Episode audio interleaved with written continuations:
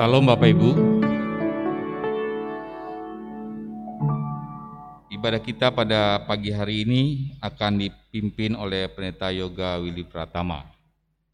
Sejenak kita mendengarkan warta jemaat dan untuk lebih lengkapnya warta jemaat dapat dilihat di online GKP.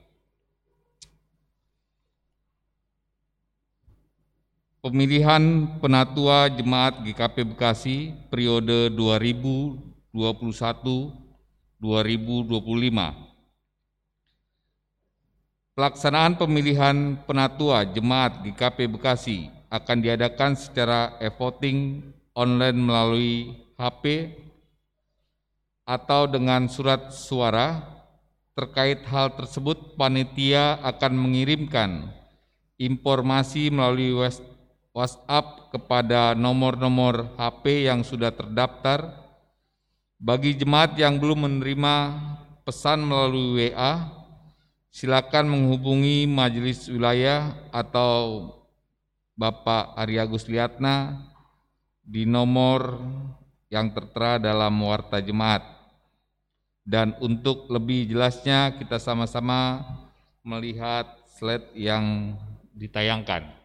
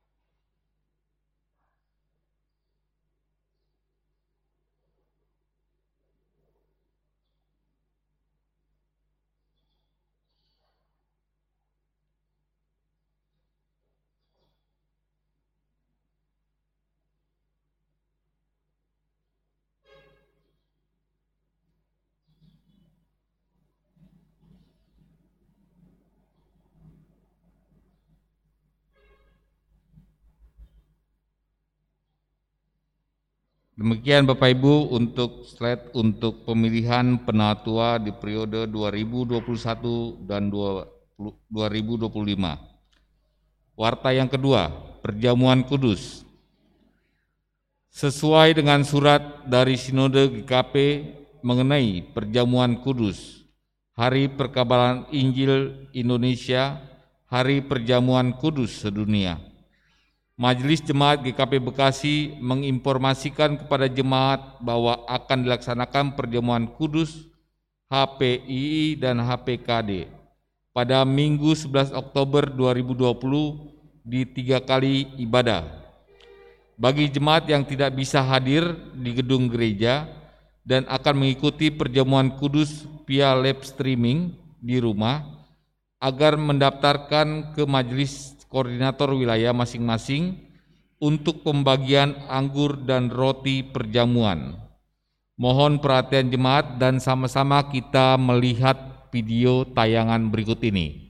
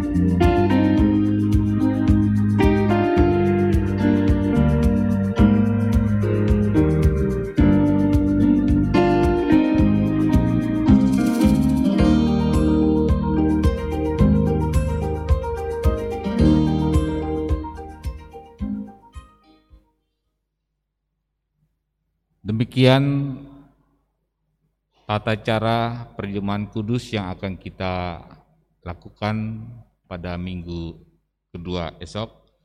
Dan dihimbau sekali lagi bagi Bapak Ibu jemaat yang ingin mengadakan perjamuan kudus di rumah dapat menghubungi majelis jemaat masing-masing agar pendistribusian anggur dan roti bisa terlaksana. Dan himbauan berikutnya, bagi Bapak Ibu jemaat yang berkerinduan menyampaikan persembahan syukur ataupun perpuluhan, untuk saat ini amplop khusus yang kami siapkan atau gereja siapkan sudah kami tidak tidak kami tayangkan lagi, tapi kami persilakan kepada Bapak Ibu jemaat bisa menyampaikannya dengan mem, menyampaikannya melalui amplop dengan lampiran nama dan wilayah pelayanan. Jadi kalau Bapak Ibu melihat tidak ada lagi amplop, memang tidak kami cetak lagi, tapi kami mengharapkan Bapak Ibu bisa memberikannya dengan melampirkan nama dan wilayah pelayanan masing-masing.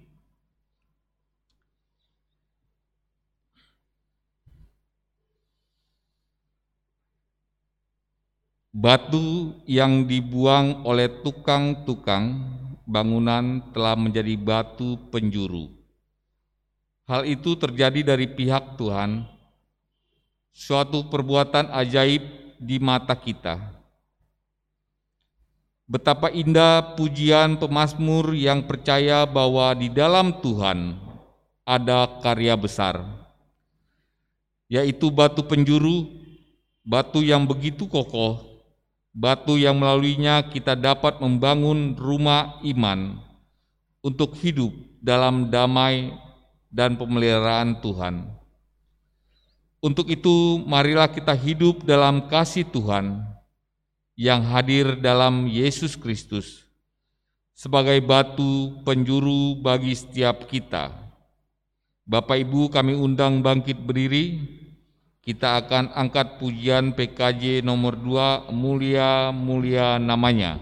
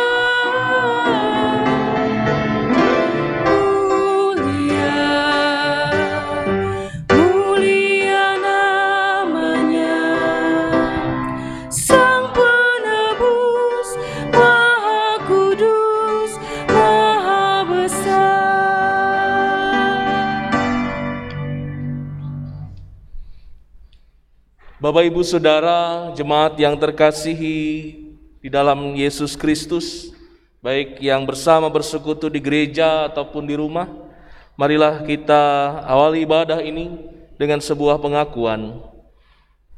Kebaktian saat ini dapat berlangsung dalam kesetiaan kasih Allah Bapa, Anak, dan Roh Kudus.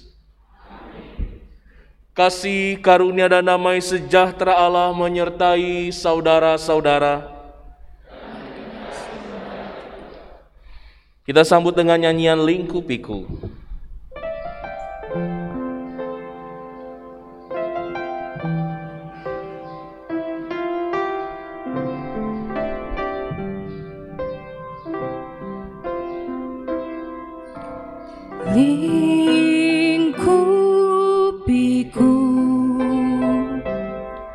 Dengan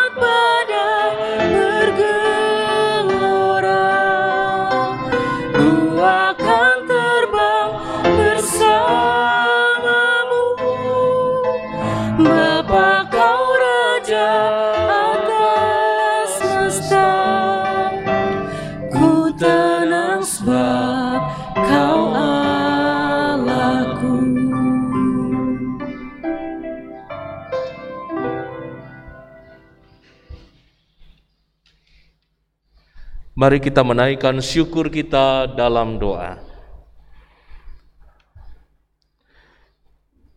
Ya Allah yang Maha Kasih, Tuhan yang telah menghantar kami tiba pada pekan yang baru, dan kami mengawali pekan ini dengan bersama-sama datang beribadah untuk memuji dan memuliakan nama Tuhan, sebab dalam hidup kami, dari terbit matahari hingga terbenamnya, bahkan ketika gelapnya malam menaungi kami, Tuhan menjaga, Tuhan yang memelihara kehidupan kami.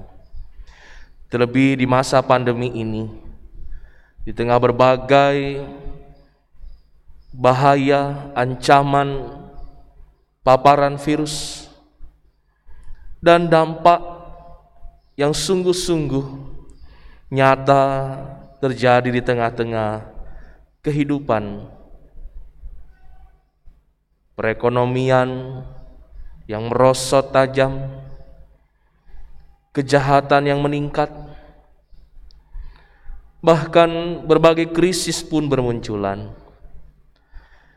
Namun, dalam seluruh keadaan dan kondisi yang terjadi, Tuhan menolong kami.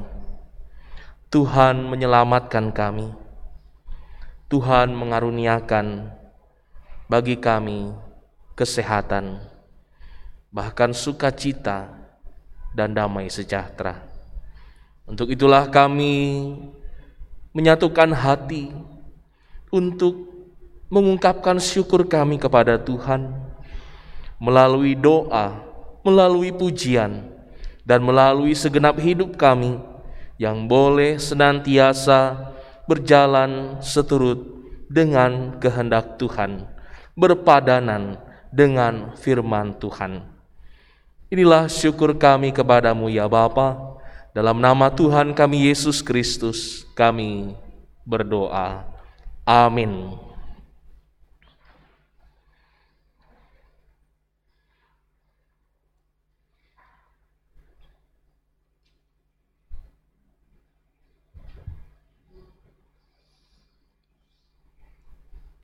Jemaat Tuhan, saat ini kita diajak untuk mengaku dosa di hadapan hadirat Tuhan. Ungkapkanlah segala perasaan hati dan kegelisahan kita, sehingga anugerah pengampunan dari Tuhan dapat dinyatakan bagi kita.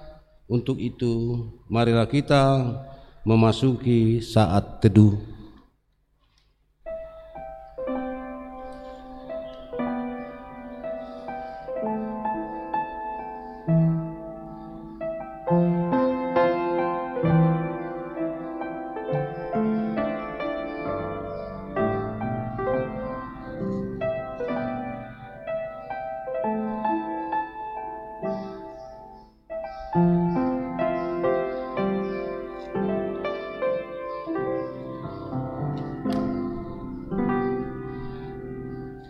Ya Tuhan, ampunilah kami, sering kali kami tidak dapat menahan diri dan godaan dan tantangan hidup. Seringkali kami terjatuh lagi di kesalahan yang sama. Ampuni kami Tuhan, kami ingin hidup sesuai dengan kehendak dan ketetapan-Mu. Kiranya kami boleh dilayakkan Tuhan untuk hidup dekat hadir di hadapan-Mu. Ampunilah kami ya Tuhan. Tuhan ampunilah kami, dengarkanlah doa dan pengakuan kami. Amin. Amin. Kita angkat pujian batu karang yang teguh.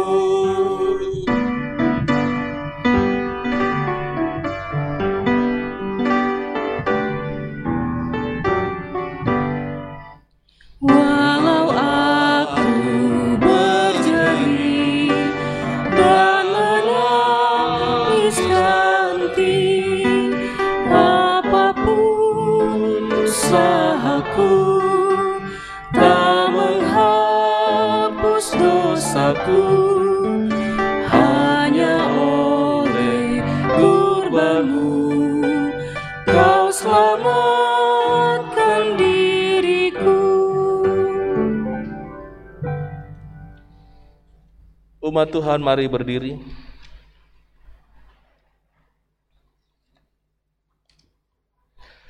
Dengarlah firman Tuhan yang menyatakan pengampunan dosa bagi kita.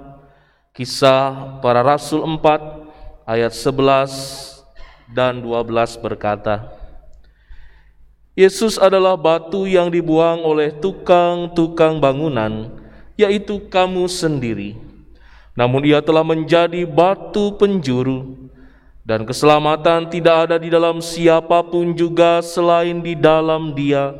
Sebab di bawah kolong langit ini tidak ada nama lain yang diberikan kepada manusia yang olehnya kita dapat diselamatkan.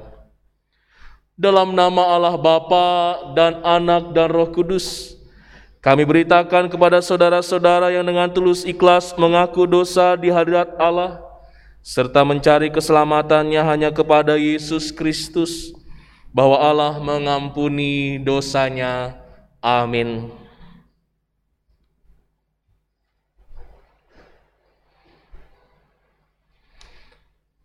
Bapak, ibu, saudara yang terkasih di dalam Tuhan, mari kita mempersiapkan pembacaan Alkitab Injil Matius pasal 21 ayat 33 hingga ayat 46.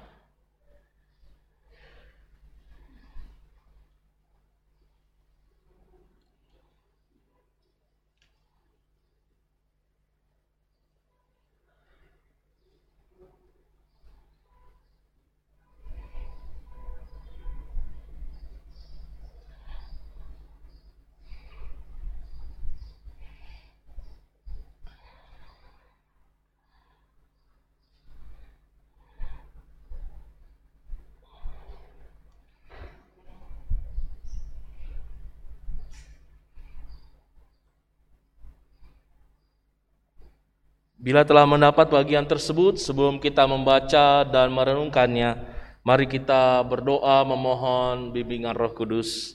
Kita satukan hati dalam doa. Ya Allah yang Maha Kasih, di dalam kerinduan kami untuk senantiasa hidup seturut dengan firman-Mu, maka Alkitab telah kami buka dan kami siap untuk membaca serta merenungkannya. Untuk itu bimbinglah kami oleh kuasa Roh Kudus agar kami dimampukan untuk memahami dan melakukan firman-Mu di dalam kehidupan kami hari demi hari. Hanya di dalam nama Tuhan kami Yesus Kristus, batu penjuru, Tuhan yang menjadi juru selamat bagi kami semua. Amin.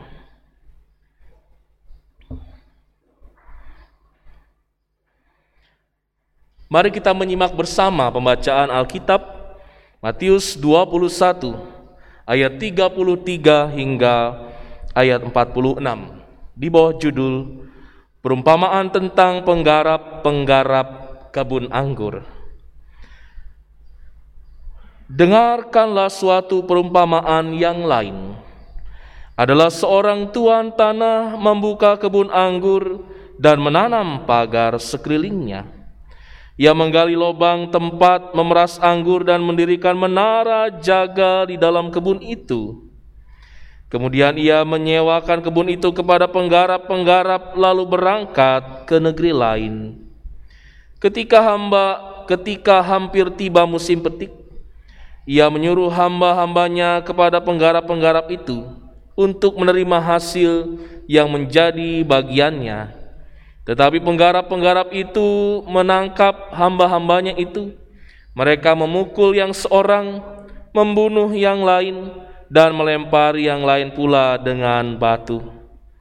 Kemudian Tuhan itu menyuruh pula hamba-hamba yang lain, lebih banyak daripada yang semula. Tetapi mereka pun diperlakukan sama seperti kawan-kawan mereka.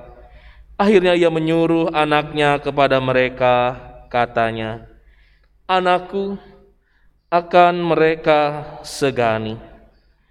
Tetapi ketika penggarap-penggarap itu melihat anaknya itu, mereka berkata seorang kepada yang lain, "Ia adalah ahli waris, mari kita bunuh dia, supaya warisannya menjadi milik kita." Mereka menangkapnya dan melemparkannya keluar kebun anggur itu, lalu membunuhnya. Maka apabila tuan kebun anggur itu datang apakah yang akan dilakukannya dengan penggarap-penggarap itu? Kata mereka kepadanya, ia akan membinasakan orang-orang jahat itu dan kebun anggurnya akan disewakannya kepada penggarap-penggarap lain yang akan menyerahkan hasilnya kepadanya pada waktunya. Kata Yesus kepada mereka, "Belum pernahkah kamu baca dalam kitab suci Batu yang dibuang oleh tukang-tukang bangunan telah menjadi batu penjuru. Hal itu terjadi dari pihak Tuhan supaya perbuatan ajaib di mata kita. Sebab itu aku berkata kepadamu, bahwa kerajaan Allah akan diambil daripadamu dan akan diberikan kepada suatu bangsa yang akan menghasilkan buah kerajaan itu. Dan barang siapa jatuh ke atas batu itu, ia akan hancur dan barang siapa ditimpa batu itu, ia akan remuk. Ketika imam-imam kepala dan orang-orang Farisi mendengar perumpamaan-perumpamaan Yesus, mereka mengerti bahwa merekalah yang dimaksudkannya. Dan mereka berusaha untuk menangkap dia, tetapi mereka takut kepada orang banyak karena orang banyak itu menganggap dia nabi. Demikian pembacaan firman Tuhan. Berbahagia setiap orang yang mendengar firman Tuhan serta memelihara di dalam hidupnya. Haleluya.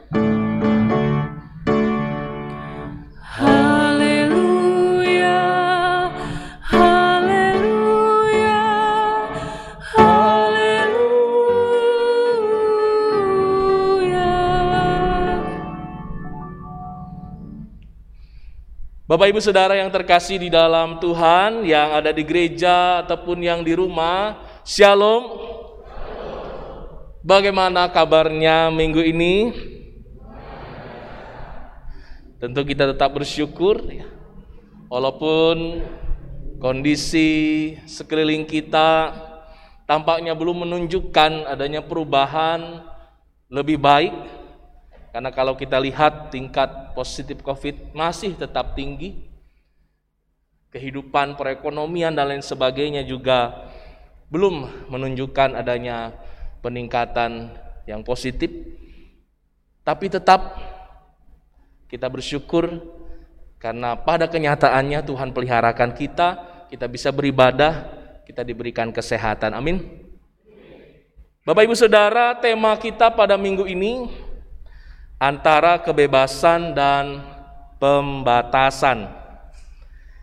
Tema ini relevan sekali dengan kondisi kita sekarang ya. Di satu sisi selalu disampaikan dihimbau tentang pembatasan. Jaga jarak, kurangi aktivitas di luar, begitupun orang yang datang atau berkumpul acara-acara yang dilangsungkan, mungkin momen keluarga dan lain sebagainya harus dibatasi jumlahnya dan lain-lain sebagainya. Pak Wali Kota terakhir mengeluarkan maklumat, salah satunya ada batasan jam untuk beraktivitas ya, khususnya tempat-tempat makan ya, swalayan harus tutup pukul 18 atau jam 6 petang. Tapi saudara-saudara, pembatasan ya pembatasan. Karena faktanya apa yang kita lihat? Banyak saja yang masih bebas. Ya. Dikatakan harus pakai masker, tetap saja tidak pakai masker. Dikatakan harus jaga jarak, tetap saja kumpul ya. Di kompleks tempat saya tinggal, Pastori Bula Kapal, bapak-bapak yang main catur, main kartu ya, ya tetap saja bahkan tanpa masker. Nah, Bapak Ibu yang terkasih dalam Yesus Kristus, artinya ada orang yang menyadari bahwa resiko COVID ini nyata. Aturan-aturan yang dibuat itu untuk kebaikan. Tapi merasa bahwa itu semua mungkin berlaku untuk orang lain, tapi tidak untuk saya. Dan ada orang yang memaksakan kebebasan. Kebebasan seperti apa? Kebebasan yang tidak atau kurang bertanggung jawab. Hanya orientas karena orientasinya hanya untuk kepentingan diri sendiri.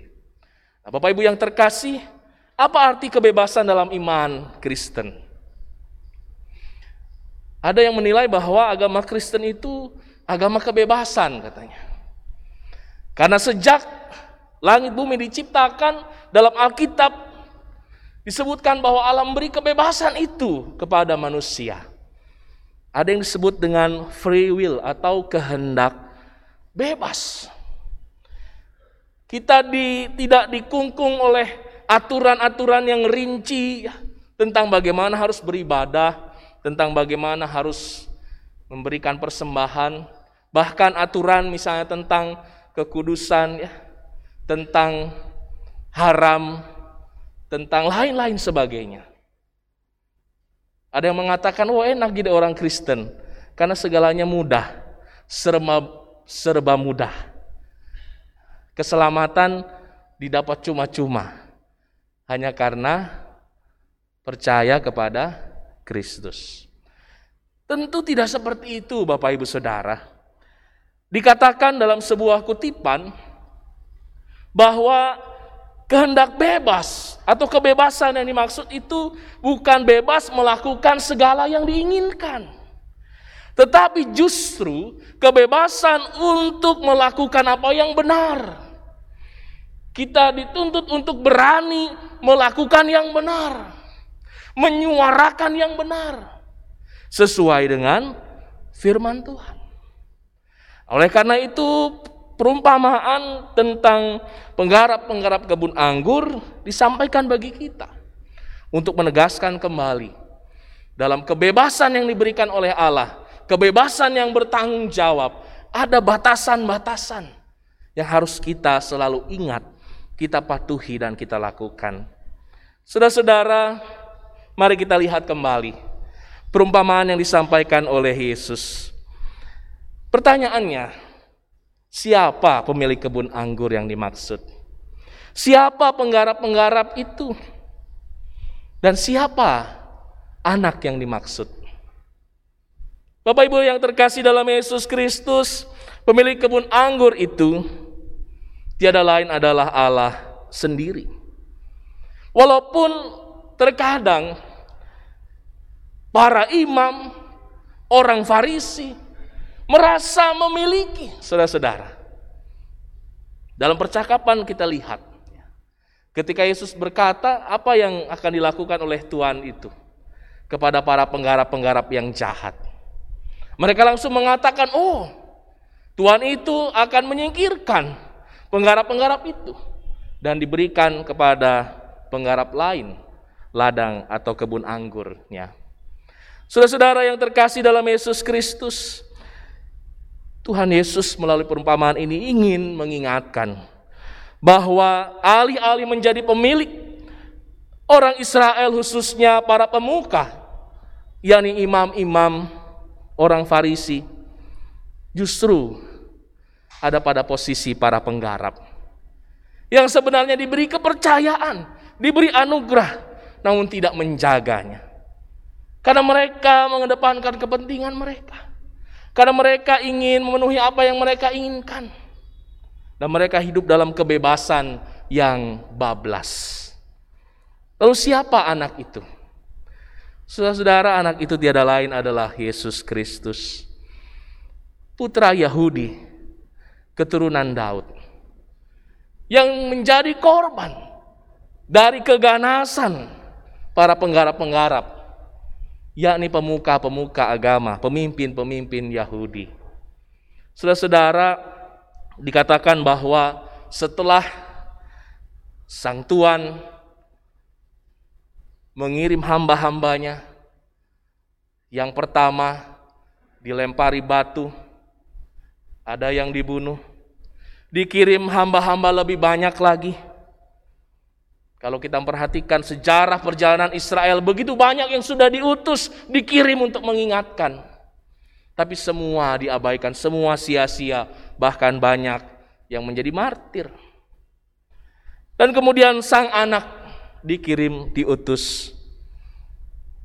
Namun apa yang terjadi?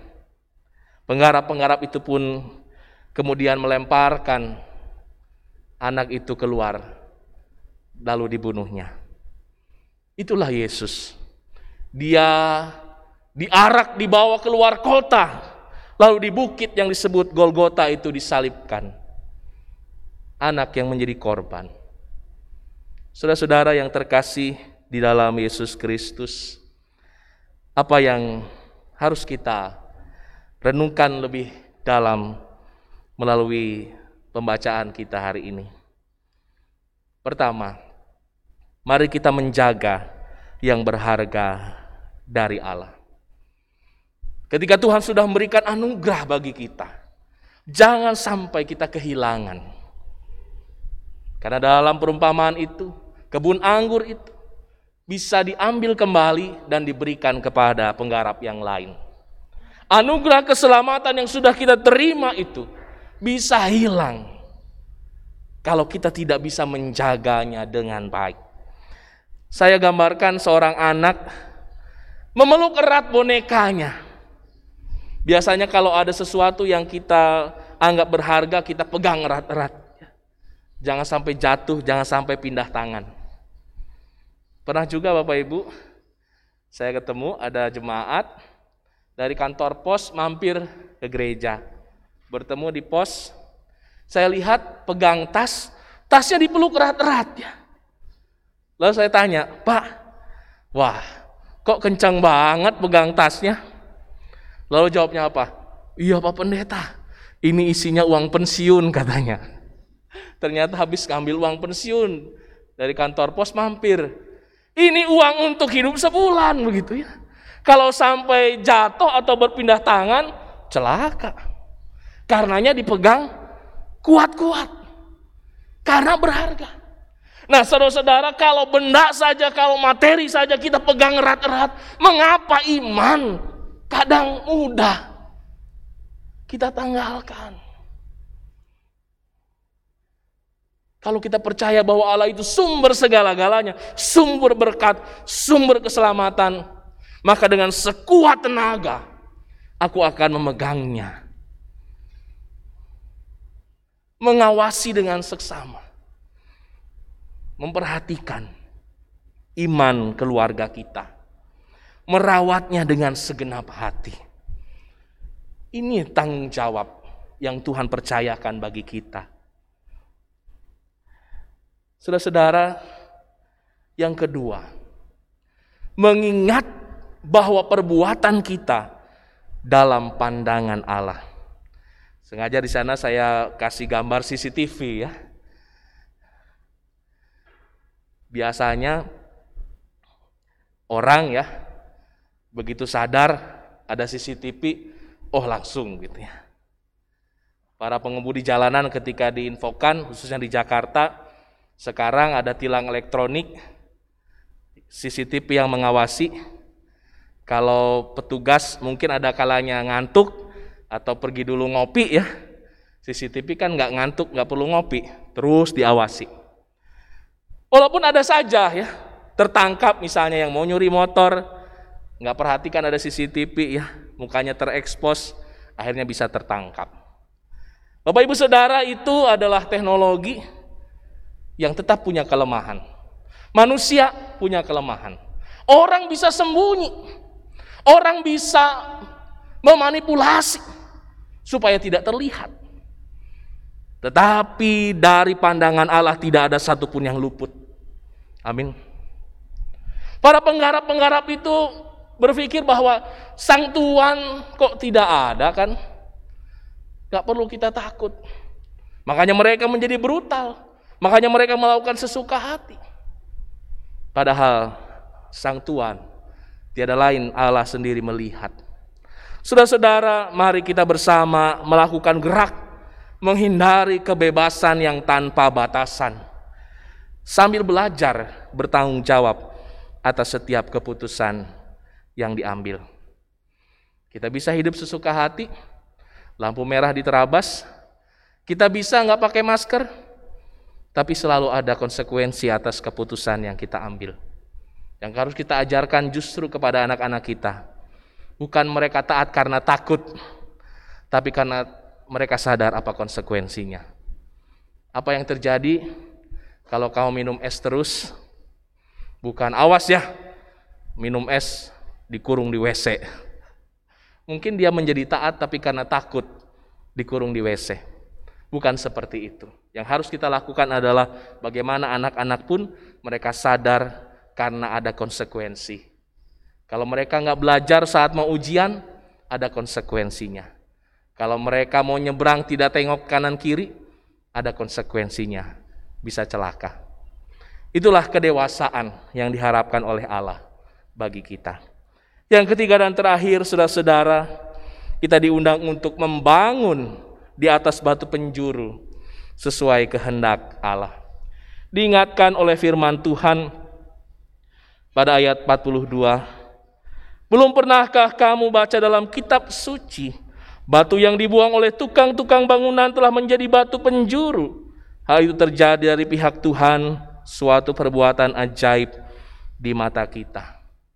Saudara-saudara, di sana ada gambar itu batu penjuru dalam konstruksi bangunan di Israel pada masa itu. Yang ditinggalkan oleh tukang karena pembangunan yang belum selesai. Bapak Ibu, kalau bangunan didirikan di atas batu penjuru atau pondasi itu akan menjadi bangunan yang kokoh. Tapi kalau ada orang yang tidak lihat, lalai, bisa tersandung dan bisa terluka oleh karena batu itu. Itulah Kristus yang dibuang menjadi batu penjuru. Bagi kita yang beriman, tidak ada keselamatan di luar dia. Tapi bagi barang siapa yang mengabaikan, bisa tersandung dan bisa binasa karenanya. Bapak Ibu yang terkasih, mari bersama-sama. Kita selalu membangun diri kita dari hari ke hari. Tantangan kian berat, pergumulan kian besar, bila kita tidak rajin untuk membangun diri kita di atas pondasi dan batu penjuru yang benar, maka mungkin kita akan dilumat oleh zaman ini. Kita akan kalah oleh tantangan yang ada. Itulah pesan firman Tuhan pada hari ini. Ada 3M. 3M yang umum sekarang harus kita patuhi. Memakai masker, mencuci tangan, menjaga jarak. Ya. Tapi 3M dari firman Tuhan hari ini, kita diingatkan untuk menjaga ya, anugerah Tuhan iman kita, yang kedua untuk mengingat M yang kedua. Setiap tindakan ada konsekuensinya. Dan Tuhan selalu mengawasi. Dan M yang ketiga membangun iman di atas batu pencuru yakni Kristus. Tuhan berikan kekuatan dan hikmat bagi kita semua. Amin.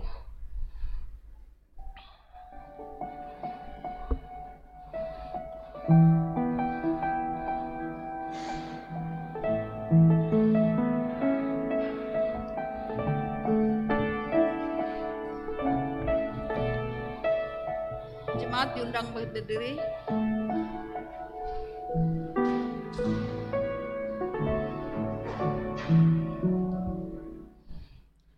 Marilah kita mengucapkan pengakuan iman bersama-sama.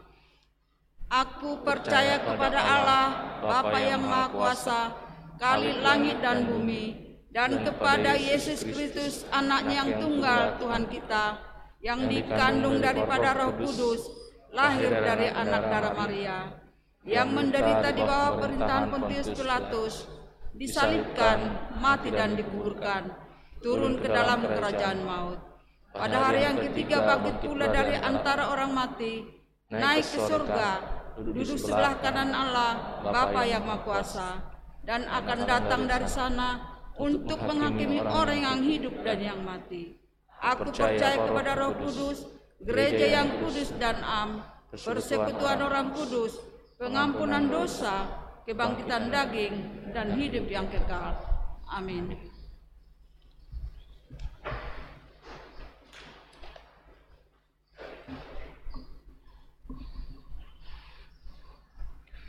Bapak Ibu Saudara yang terkasih dalam Tuhan, kita akan menaikkan doa syafaat.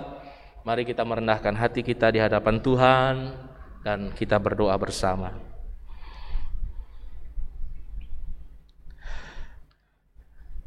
Ya Allah, kami yakini anugerah kehidupan datang darimu Tuhan. Kebun anggur Tuhan percayakan bagi kami untuk kami kelola.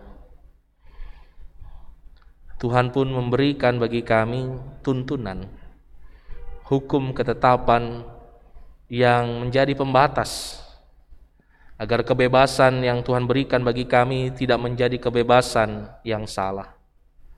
Namun kebebasan yang disertai tanggung jawab. Kebebasan untuk menyatakan apa yang benar.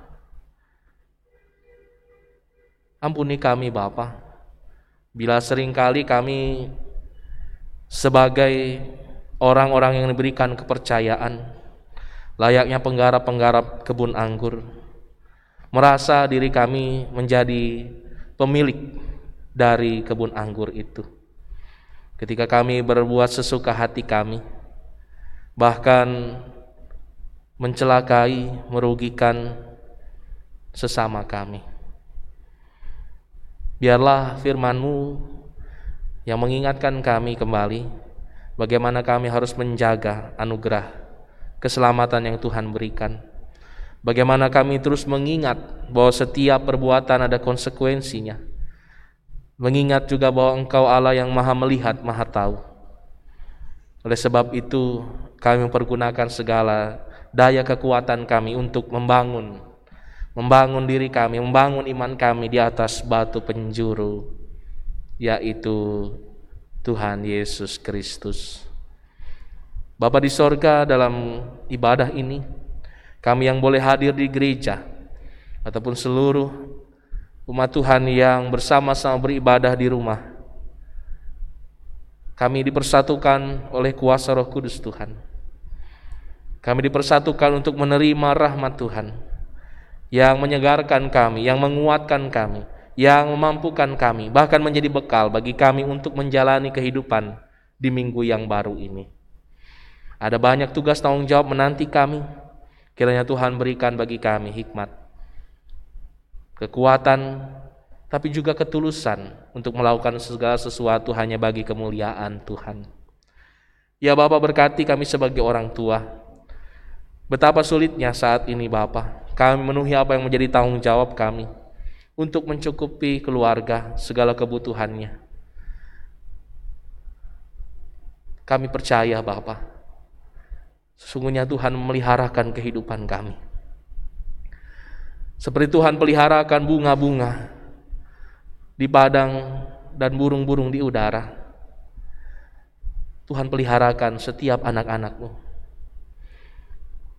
dan kami rindukan situasi kondisi di tanah air kami, begitupun di seluruh dunia, boleh menjadi lebih baik lagi. Kiranya Tuhan juga menolong agar tingkat penyebaran COVID-19 semakin menurun. Dan upaya untuk menyediakan vaksin mendistribusikan agar dapat dipergunakan boleh menjadi upaya yang terus menunjukkan titik terang. Berkati ya Bapak, para pemimpin dunia, berkati pemimpin bangsa kami, berkati para relawan, berkati tenaga medis. Kami juga mengingat akan saudara-saudara kami yang saat ini ada dalam berbagai pergumulan, mungkin lebih dari apa yang kami alami, terdampak secara langsung karena pandemi ini. Kiranya Bapak hadir untuk melawat mereka, menguatkan mereka, menolong agar apa pun yang menjadi persoalan mereka boleh teratasi dengan baik. Kami juga mengingat akan pasien positif yang saat ini tengah berjuang untuk melewati masa krisis. Biarlah Tuhan menolong begitu lagi keluarga yang menanti dengan penuh harap dan kerinduan. Kami juga berdoa bagi saudara-saudara kami yang saat ini dalam keadaan sakit, begitupun dalam masa pemulihan.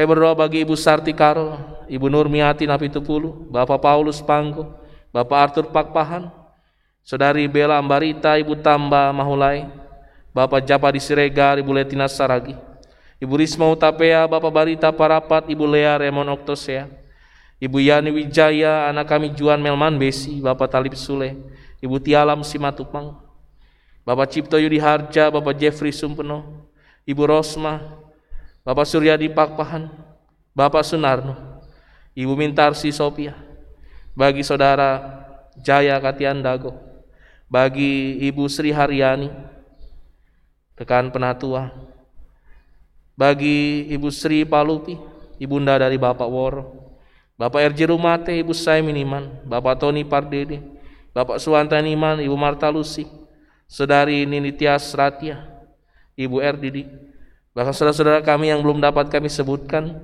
kami percaya Tuhan melawat dan mengulurkan tangan kasih kuasa Tuhan. Ya Bapa di sorga kami juga berdoa bagi seluruh agenda pelayanan jemaat Tuhan. Bagi rencana pemberkatan pernikahan saudara Filemon Trikusumo dengan saudari Kartika Septiati Huta Galung. Tuhan menolong mempersiapkan segala sesuatu hingga hari pemberkatan nanti boleh berjalan dengan baik, penuh syukur dan sukacita.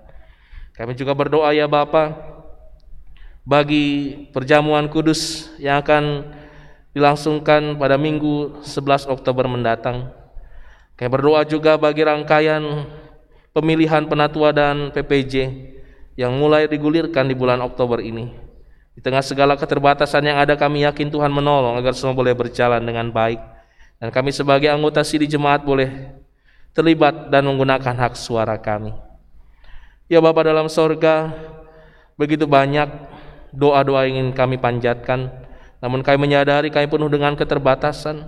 Biarlah Allah yang maha tahu, Allah yang maha peduli, menyatakan yang terbaik dalam seluruh kehidupan kami. Kami umatmu senantiasa berserah dan memohon kiranya Tuhanlah yang senantiasa berjalan bersama kami. Melewati suka duka dan berbagai kesulitan-kesulitan hidup.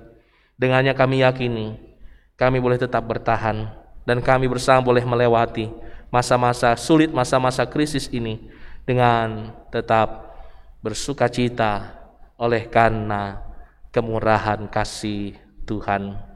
Sempurnakanlah Bapa segala doa kami bersama doa-doa pribadi di hati kami. Dalam nama Yesus Kristus, Tuhan dan Juru Selamat kami yang hidup, Tuhan yang juga telah mengajar kami berdoa.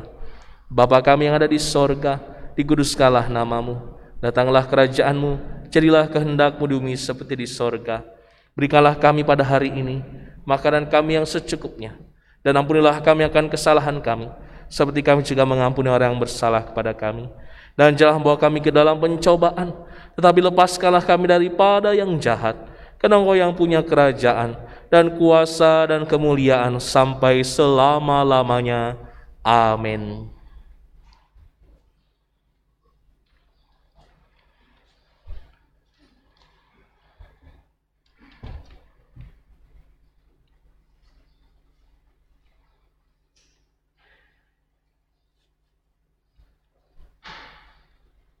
Jemaat Tuhan, dalam kebaktian ini jemaat dihimbau untuk dapat memberikan persembahan secara cashless melalui QR code dengan scan barcode yang telah tersedia di hadapan jemaat Tuhan atau melalui transfer ke nomor rekening GKP Bekasi. Namun bagi anggota jemaat yang kesulitan dengan metode cashless maka jemaat dapat membawa persembahannya ke depan dan memasukkannya ke kotak persembahan yang telah disediakan. Sekarang, marilah kita memberikan persembahan dengan mengingat firman Tuhan. Aku tahu, ya Allahku, bahwa Engkau adalah menguji hati dan berkenan kepada keikhlasan maka aku pun mempersembahkan semuanya itu dengan sukarela dan tulus ikhlas. Dan sekarang umatmu yang hadir di sini telah melihat memberikan persembahan sukarela kepadamu dengan sukacita. Sambil menghimpun persembahan, marilah kita nyanyikan pujian persembahan.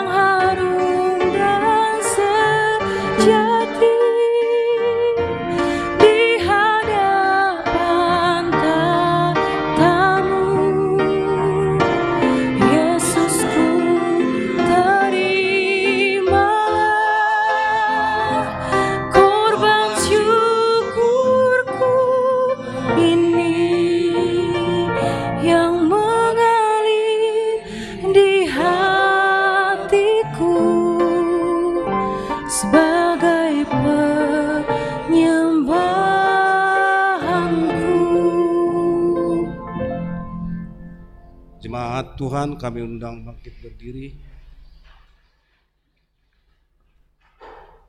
Marilah kita berdoa untuk menyerahkan persembahan kita ini. Ya Tuhan, kami bersyukur bahwa kami adalah umat Tuhan yang diutus dalam karya dan rencangan damai sejahtera Tuhan.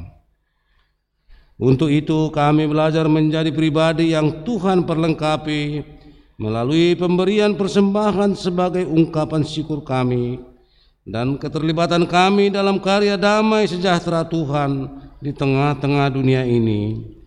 Terimalah persembahan kami ini ya Tuhan dan berkati juga setiap orang yang akan Tuhan utus untuk mengelola persembahan ini. Inilah doa kami ya Tuhan. Amin. Kita nyanyikan batu penjuru.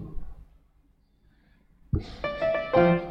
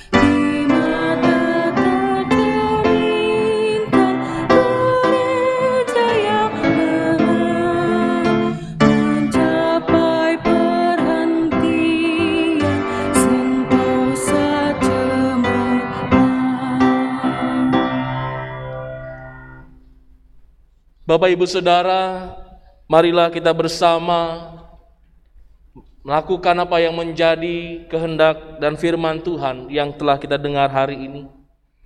Menerima dan memaknai kebebasan dalam tanggung jawab, sertai komitmen untuk selalu menjaga iman, mengingat akan Tuhan yang maha melihat kita, dan membangun diri kita di atas batu penjuru, yakni Kristus Tuhan. Kini terimalah berkat dari Allah.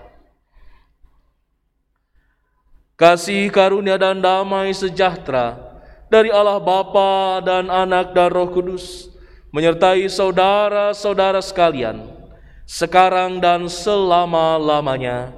Haleluya. Amin.